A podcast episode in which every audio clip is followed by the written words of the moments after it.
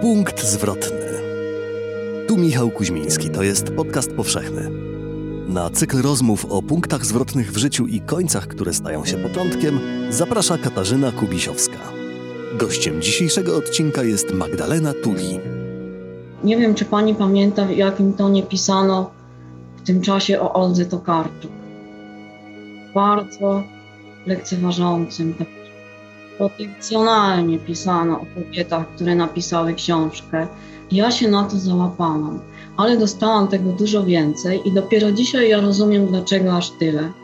Bo to było naprawdę, to, to miało wymiar dla mnie publicznej egzekucji, takiego publicznego upokorzenia.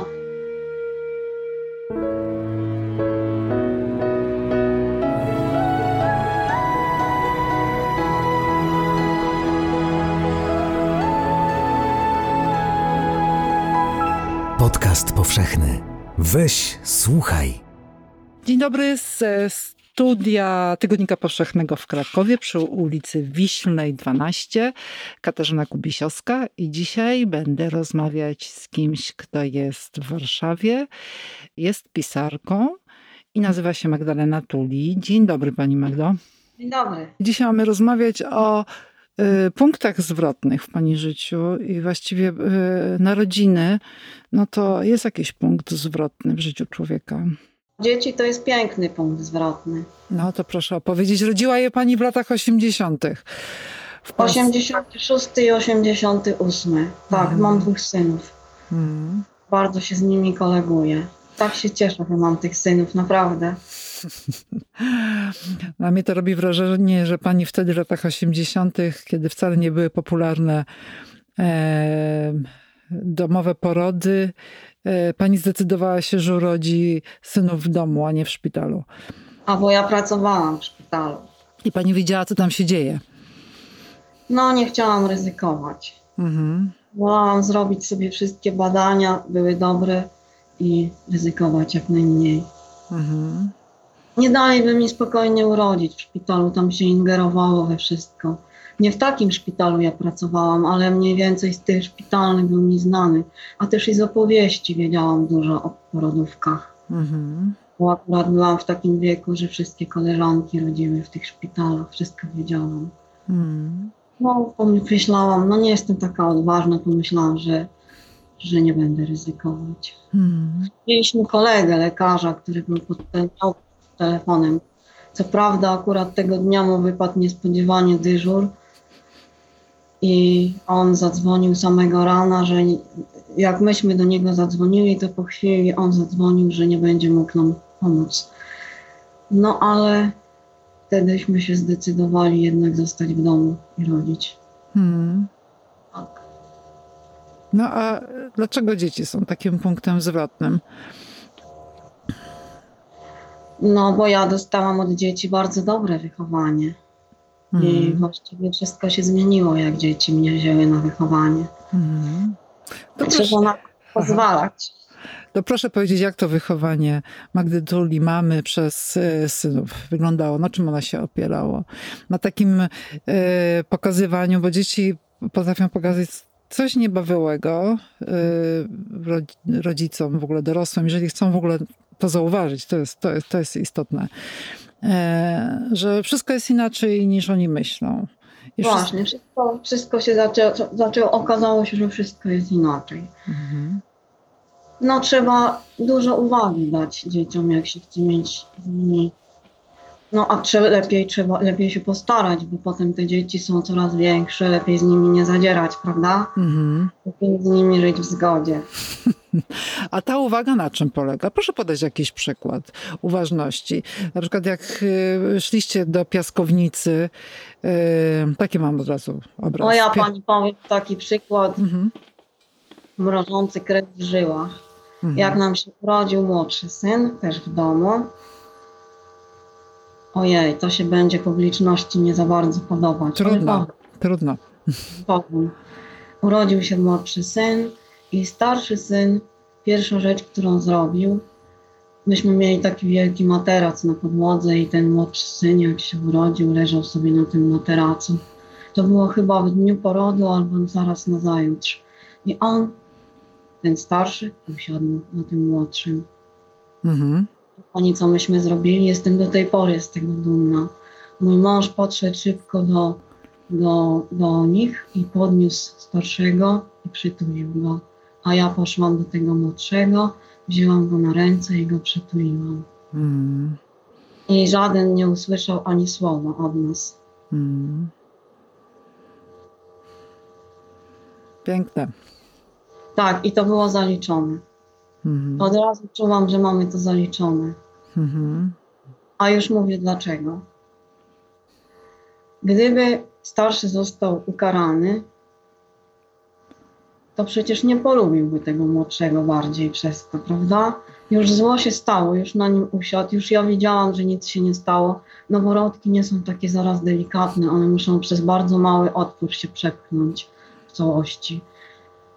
I, I on się przepchnął i jeszcze te kości były dosyć elastyczne, nic mu się nie stało. Tak, tak to było do przewidzenia, że nic mu nie będzie. Tylko emocje próbują wtedy coś robić i lepiej, żeby siedziały cicho. Nigdy więcej się taka rzecz nie zdarzyła, żeby ten starszy temu młodszemu chciał zrobić krzywdę. Mhm. Zresztą wiadomo, czy chciał mu zrobić krzywdę. To mógł być jakiś odruch. To, to, to pragnienie krzywdy mogło być zupełnie takie niejasne, zawinięte w bawełnę wewnętrzną. Tam mogło nie być żadnej świadomej intencji przecież. Krzyczeć na niego, karać go, to byłoby tak, jakbyśmy chcieli podłożyć tego młodszego. Mhm. I że myśmy to od razu załapali, natychmiast, przecież nikt nas nie uprzedzał, że będzie taka sytuacja. Od razu żeśmy to załapali obydwoje jednocześnie i każdy z nas zrobiło to, co do nas należało. Mhm. Tak byłam dumna wtedy z nas i Mhm. do tego jestem. I jak mówię, że, że oni się dogadywali zawsze i nigdy nie było agresji między nimi, no może tak trochę, już później jak byli starsi i, i starszy się zrzymał, że młodszy ma bałagan, a mieli wspólny pokój.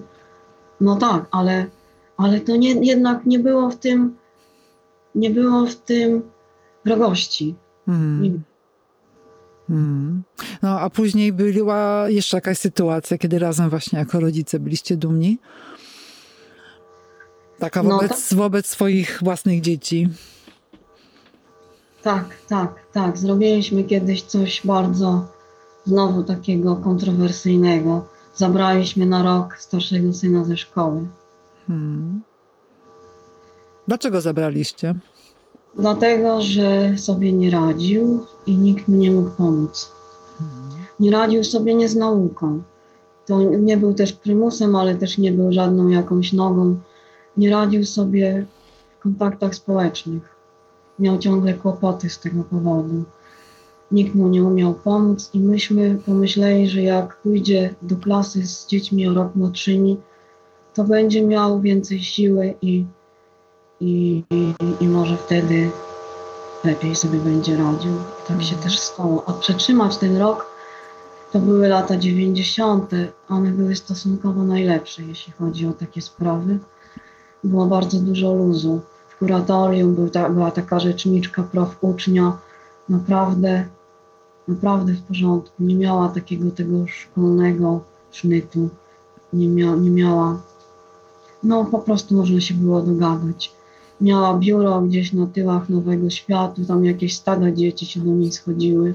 I myśmy też tam do niej przyjeżdżali, żeby nas wyciągała z kłopotów, bo próbowano tego, tego chłopca, tego mojego syna, y, siłą zapędzić do jakiejś szkoły. Jak nie do tej, to do innej. No ale myśmy nie chcieli, bo y, tymczasem się bardzo pięknie ta impreza rozkręcała. To znaczy on przed południami siedział w domu i robił jakieś swoje rzeczy, które były związane z matematyką, bo to był matematyk od początku. Mhm. Zresztą teraz jest matematykiem. Obaj są matematykami. No i ten matematyk siedział i rozwiązywał jakieś sobie problemy matematyczne i myśmy uważali, że to jest w sam raz dla niego zajęcie, a popołudniami on chodził na jakieś zajęcia plastyczne i na rytmikę, żeby miał do czynienia z dziećmi, a te dzieci, które tam spotykał, to tak krótko je widział, że sobie świetnie radził. Mhm. To było bardzo dobre doświadczenie dla niego, bo miał do czynienia z jakąś inną przestrzenią, w której były jakby inne dzieci, z którymi można się było dogadać. Mhm. Że to były takie krótkie te, te spotkania z tymi dziećmi, godzina czy półtorej i do domu. Mhm. No I, i po... wystarczało na to. Mhm. I po roku wrócił już do klasycznej szkoły. No, wrócił do normalnej szkoły, o klasę niżej do tej samej szkoły, do której chodził. Tylko drugoroczny właściwie, chociaż oni go nie zostawili na drugi rok. Myśmy o to prosili, oni nie chcieli.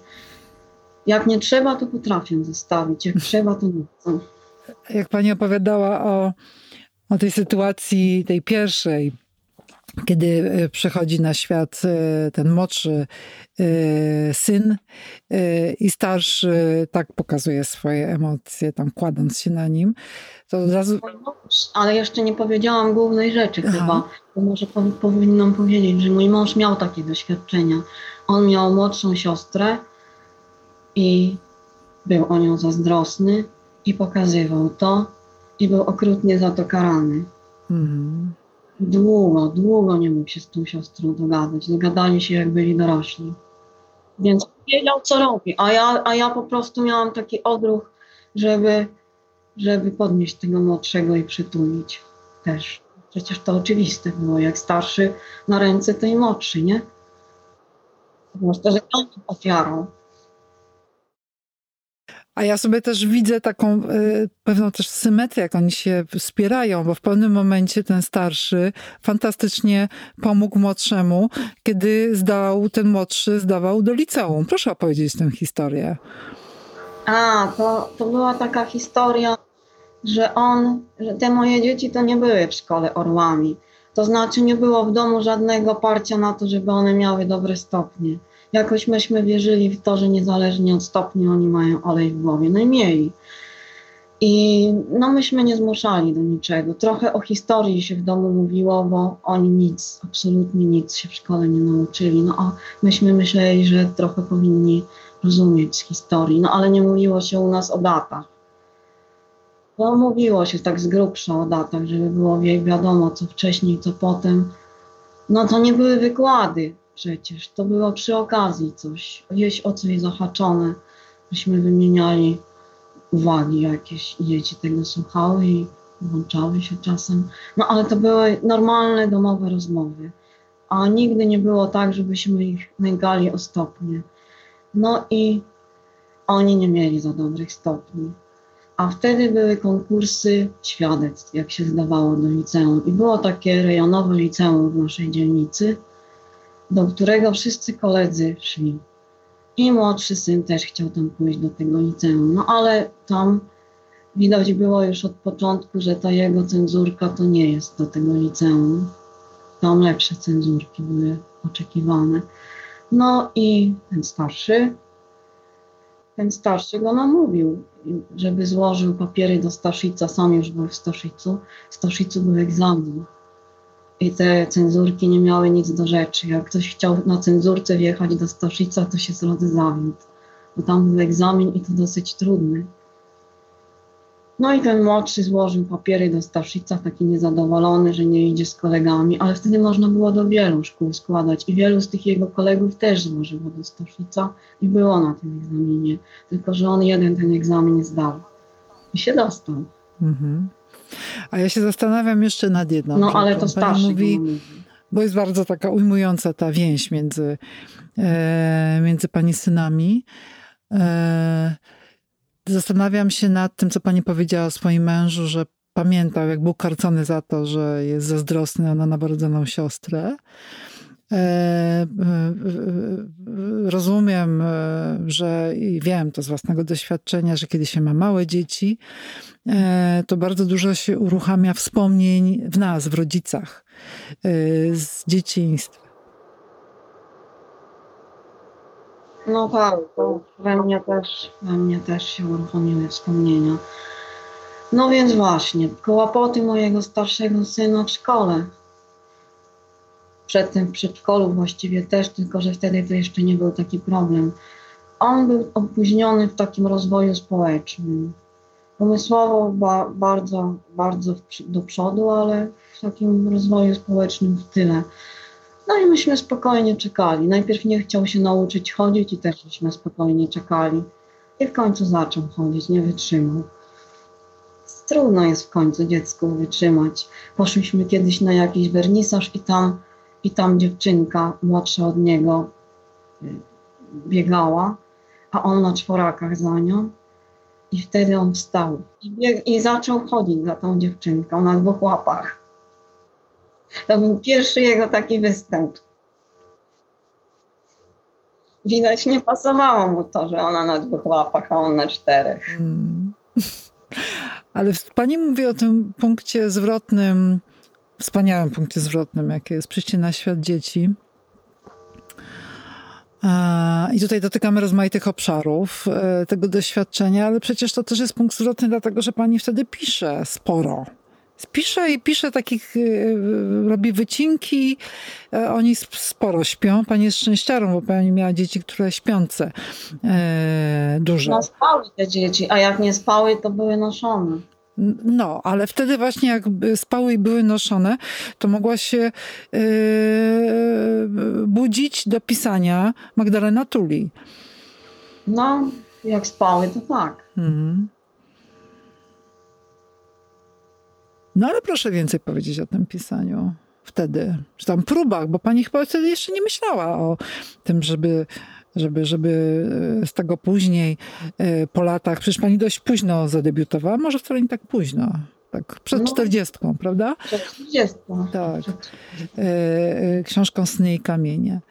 To jednak to się rodziło, te sny i kamienie przecież rodziły się latami. No, Długo ja o tym myślałam, ale nie, nie jako o książce, tylko jako o świecie. Mhm. Że, że zobaczyłam coś takiego w świecie i myślałam o tym tak cyklicznie, że to wracało co jakiś czas. No i w końcu zaczęłam robić notatki. Mhm. No a te notatki a te notatki się składały w taką całość, więc trzeba to było zrobić. Mhm. Taki plan, że ja to zrobię i będę mieć święty spokój. Święty spokój, czyli co?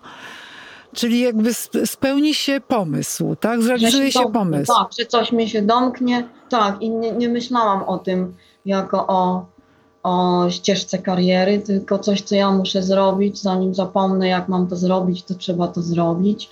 I to mi się wtedy domknie. A nie wiem, czy pani to zauważyła, ale domykanie się pomysłu to jest taka naprawdę przyjemność. Mhm. I to nawet w psychologii jest opisane, że ludzie dążą do tego, żeby im się coś domknęło.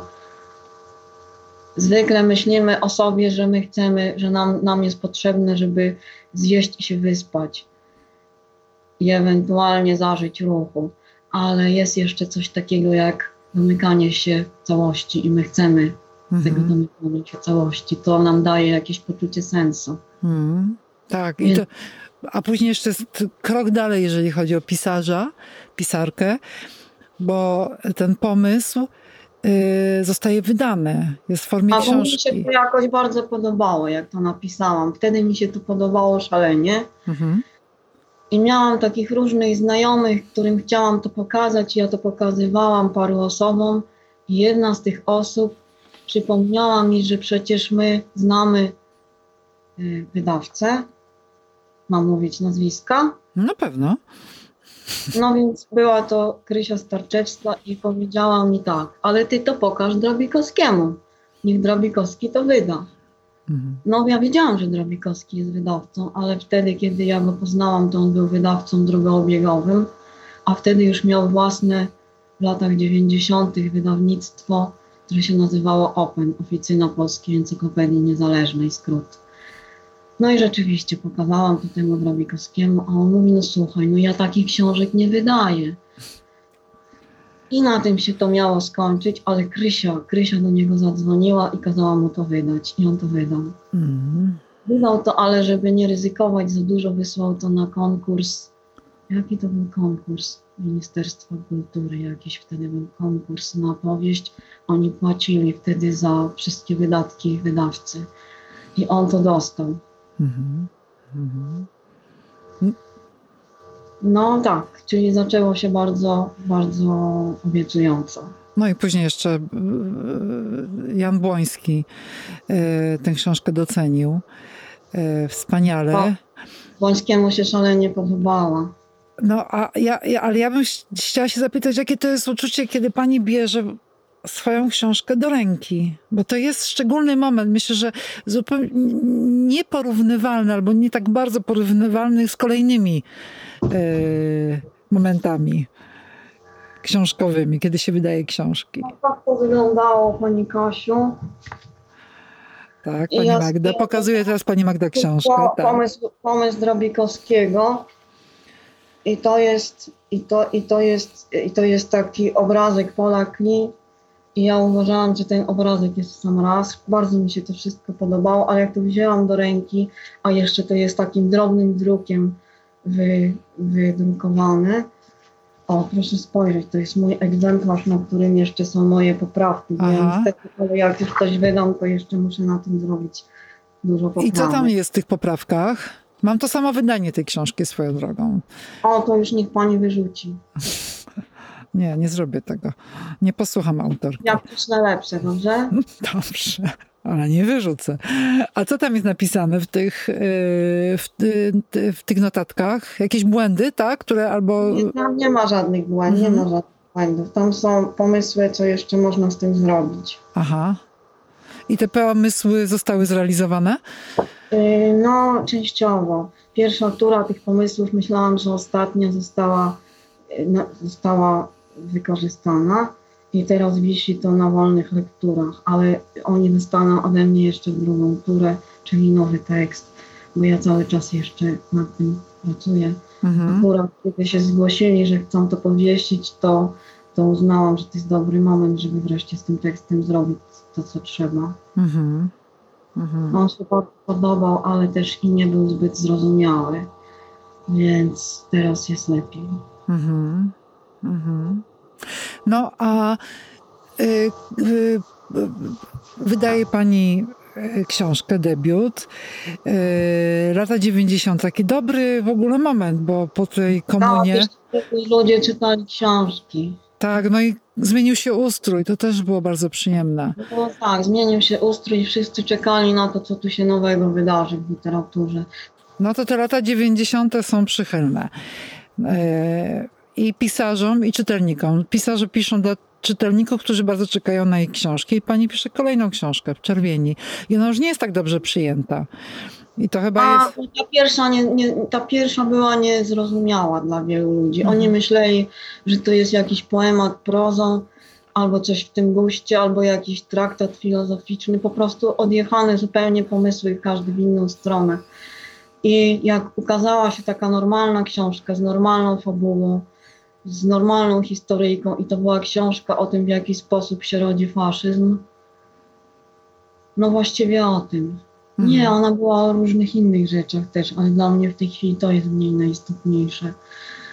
No to normalna książka i nikt nie wiedział, o czym ona jest, bo wszyscy próbowali w tym zobaczyć jakiś nowy esej albo nowy, nowy traktat, albo, albo mniejsza o to. W każdym razie chcieli zobaczyć coś, co im będzie jakoś się składało z tą pierwszą, a ja po prostu miałam jakiś inny pomysł i spróbowałam coś z nim zrobić.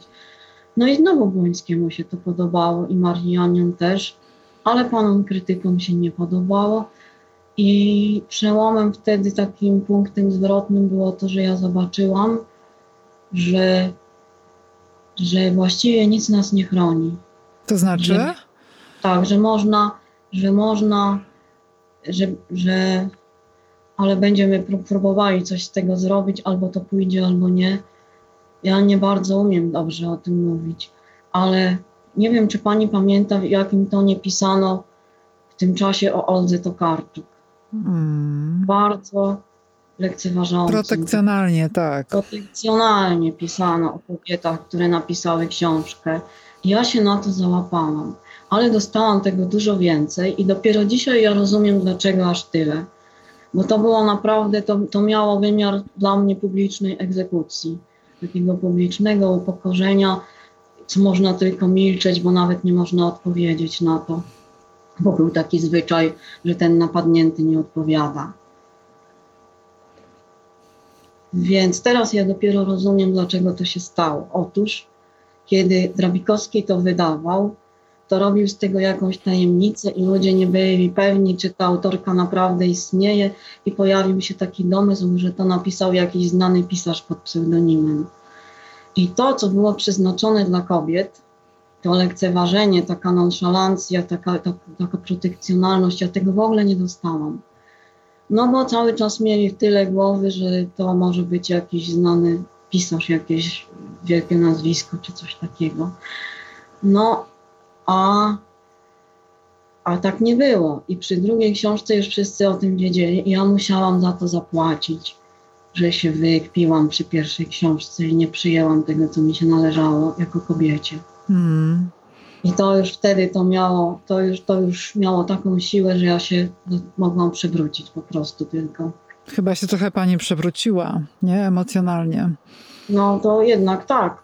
Publiczne, publiczne egzekucje no strasznie obciążają, strasznie. Cały nasz dom się przewrócił wtedy, nie tylko ja. Hmm. Hmm. A później jeszcze doświadczyła tego pani właśnie że jako kobieta pisząca.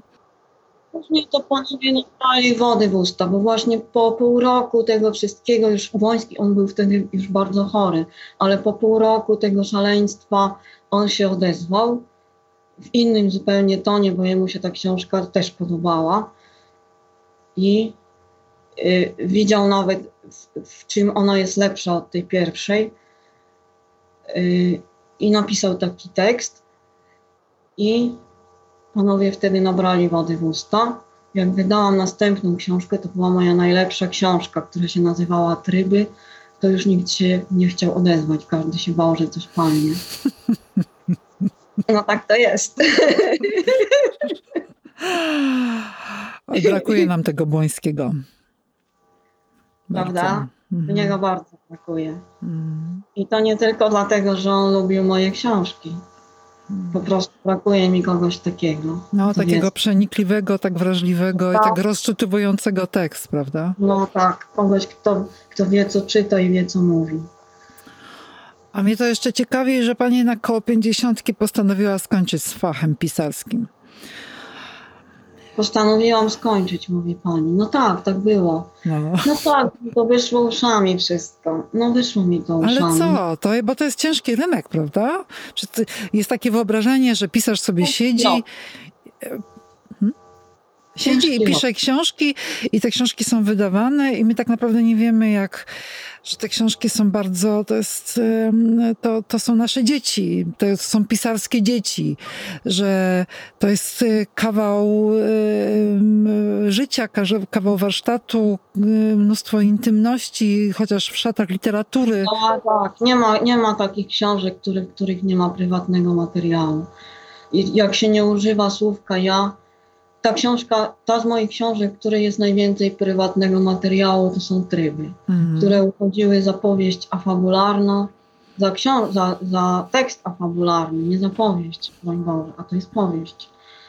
Tylko, że ona ma inny jakby napęd fabuły niż w normalnej powieści. Nie jest w nim jakaś chronologia wydarzeń, tylko to jest porządek metafor mhm. które popychają akcję do przodu, bo jest i akcja. Mhm. Ona jedzie na tych metaforach, traktuje je jak najpoważniej. Najpierw one się pojawiają jako, jako metafory, a potem już są rzeczywistością i na tym jedzie ta akcja.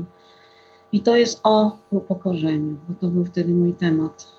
Mhm. Wielki, ogromny, to, to się stał mój temat wtedy, bo coś zobaczyłam podczas tej awantury po drugiej książce, a to była trzecia książka ja już coś wiedziałam na ten temat. To jest o tym książka. O tym, tak, o, o takich relacjach, y, w których jest na to miejsce.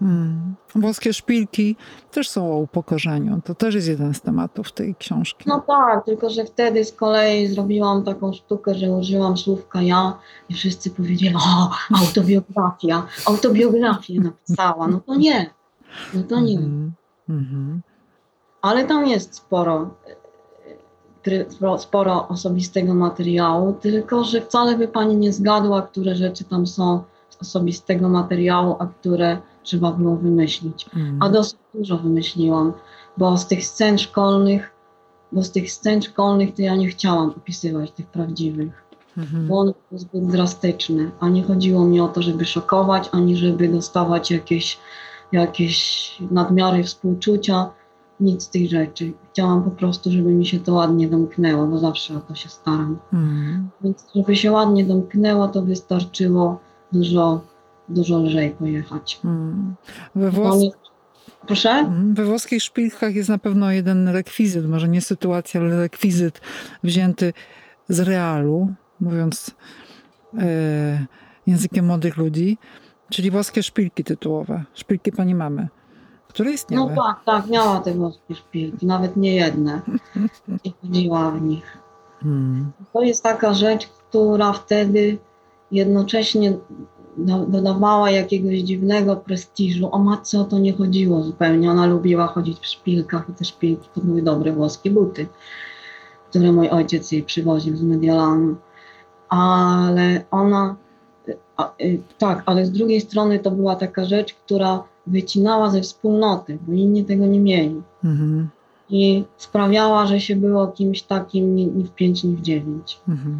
No ona nie była ni w 5, ni w 9. Ona, ona była socjologiem. Miała swoich kolegów socjologów i koleżanki socjolożki. Tam w ogóle się te szpilki nie liczyły w tym towarzystwie. I prowadziła normalne życie. Pracowała, kolegowała się. No ale jak przychodziła na przykład do szkoły w tych szpilkach, ja nie wiem, czy ona sobie zdawała sprawę z tego, że te szpilki miały tak jakby metkę na sobie z Mhm. daleka widoczną. Mhm.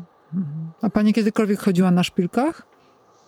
Yy, chodziłam, czasem muszę, ale ja nie lubię szpilek. Mhm. Czasem muszę, jak są na przykład te, jak to się nazywa, te spędy z okazji nagrody Nika na przykład. To tam, ja to wtedy czuję, że bez szpilek tam pójść to jest tak jakby prowokacja, a Aha. prowokować nie chcę. No to wkładam te szpilki.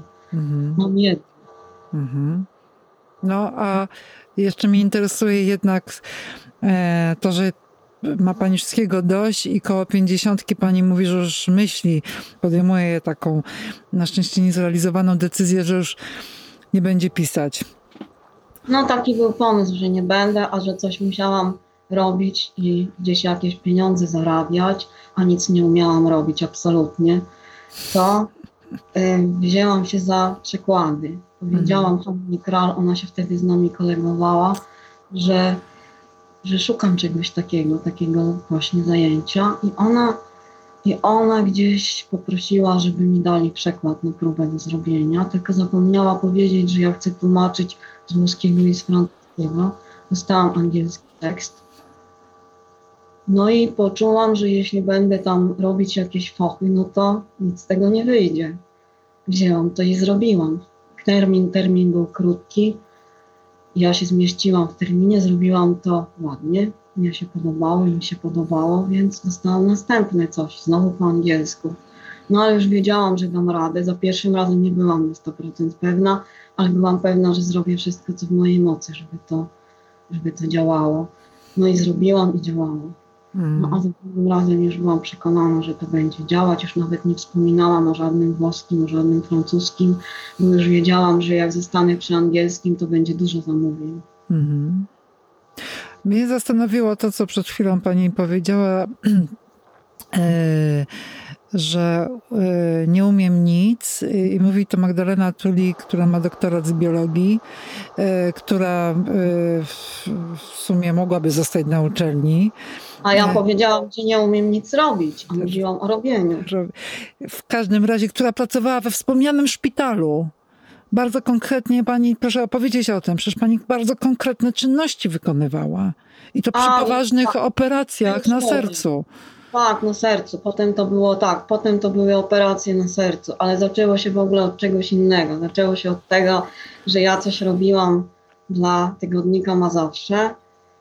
To był stan wojenny i musiałam mieć takie zajęcie, żeby dostawać jakieś pieniądze, ko- niekoniecznie duże, ale w miarę regularnie, żebym miała z czego żyć i żebym mogła mieć taki luźny grafik, żeby, żeby móc mieć czasami więcej czasu dla tego drugiego zajęcia, czyli dla tygodnika Mazowsze.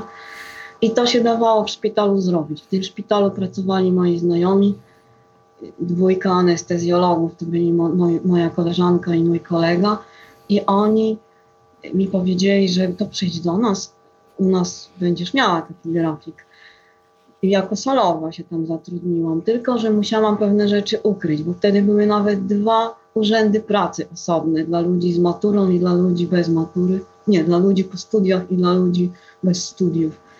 I ja się przyznałam, ale tylko do matury, potem już do niczego więcej. I to się wydało. I się zrobiła straszna awantura. Panie z kadr biegały jak szalone do naszego szefa, do profesora, on się nazywał profesor Sitkowski. To, był, to była druga klinika kardiochirurgii, wtedy na Spartańskiej. I mnie wezwał ten profesor Sitkowski, wezwał tą salową i mówi tak, i mówi tak, włos pani z głowy nie spadnie, ale ja potrzebuję perfuzjonisty. I pytał mnie, czy dam się wyszkolić. No to się dałam wyszkolić. Jego perfuzjonista akurat jechał do Zabrza z Religą. Religa kiedyś tam pracował, potem jak ja przyszłam, już nie było Religi, nie było też perfuzjonisty, został tylko jeden chłopak, którego tamten wyszkolił. I, ten, i to, to był taki chirurg, który nie lubił operować, ten człowiek od, od pompy. Zostawił tego y, człowieka, którego wyszkolił i on był sam jeden i był potrzebny drugi ktoś. I tym drugim kimś ja zostałam. Mhm. I stąd się wzięłam. Stąd się wzięłam przy operacjach na otwartym sercu. No i proszę Przez powiedzieć, no właśnie, ale co pani konkretnie robiła? Na czym polegała pani praca? Najpierw musiałam, najpierw musiałam pojechać do Anina, gdzie, by, gdzie byli tacy ludzie, którzy się tym zajmowali. Zwykle to byli anestezjolodzy. I tam się dałam wyszkolić, tak jak Mhm. obiecałam profesorowi, tak też się stało. Mhm. Dałam się wyszkolić i potem to robiłam. No, czyli Magdalena Tulin jest nie tylko pisarką, nie tylko tłumaczką, ale jeszcze e, e, potrafi asystować przy operacjach Pani na otwartym to sercu. Asystowanie, to nie jest asystowanie, to jest, to jest osobna jakby działka. To jest taka maszyna, która przepompowuje krew, ją utlenia i dodaje jej tam Mhm. co, to, co brakuje, to czego brakuje i, i tyle. Mhm. I trzeba mieć cały czas. No ale to się wszystko bardzo zmieniło. Ja, to, co ja teraz mówię, to było wtedy, w Mhm. latach 80. A teraz jest wszystko zupełnie inaczej. I ja, gdybym teraz się znalazła na sali operacyjnej i miała się tym zająć, no to naprawdę przykro mi, ale ja tego nie umiem. Taka jest prawda. I w latach 90. też już wiedziałam, że tego nie umiem. Mhm. Umiałam to wtedy, kiedy to się dopiero zaczynało i było bardzo proste. I gdybym to cały czas robiła, to bym była na bieżąco, ale nie byłam na bieżąco, dlatego że w pewnym momencie urodziłam te dzieci, a to nie jest praca dla kobiety w ciąży, więc dostałam jakieś zwolnienia. Wszystko to razem trwało ileś lat, zanim ja mogłam wrócić do tego szpitala, a jak już miałam do niego wrócić, to przyszło mi do głowy, co innego tu mogłabym robić. Mhm. Mhm. Oni przez ten czas przecież nie czekali na mnie, tylko wyszkolili jeszcze kogoś sobie. Mhm. E, Na koniec ja bym właściwie chciała się zapytać nie o punkt zwrotny, ale o taki dzień w pani życiu, na którego myśl robi się pani tak ciepło w sercu. A pani ciągle takie rzeczy chce. Bardzo, bardzo chcę. No to z dziećmi są wszystkie takie dni u mnie związane.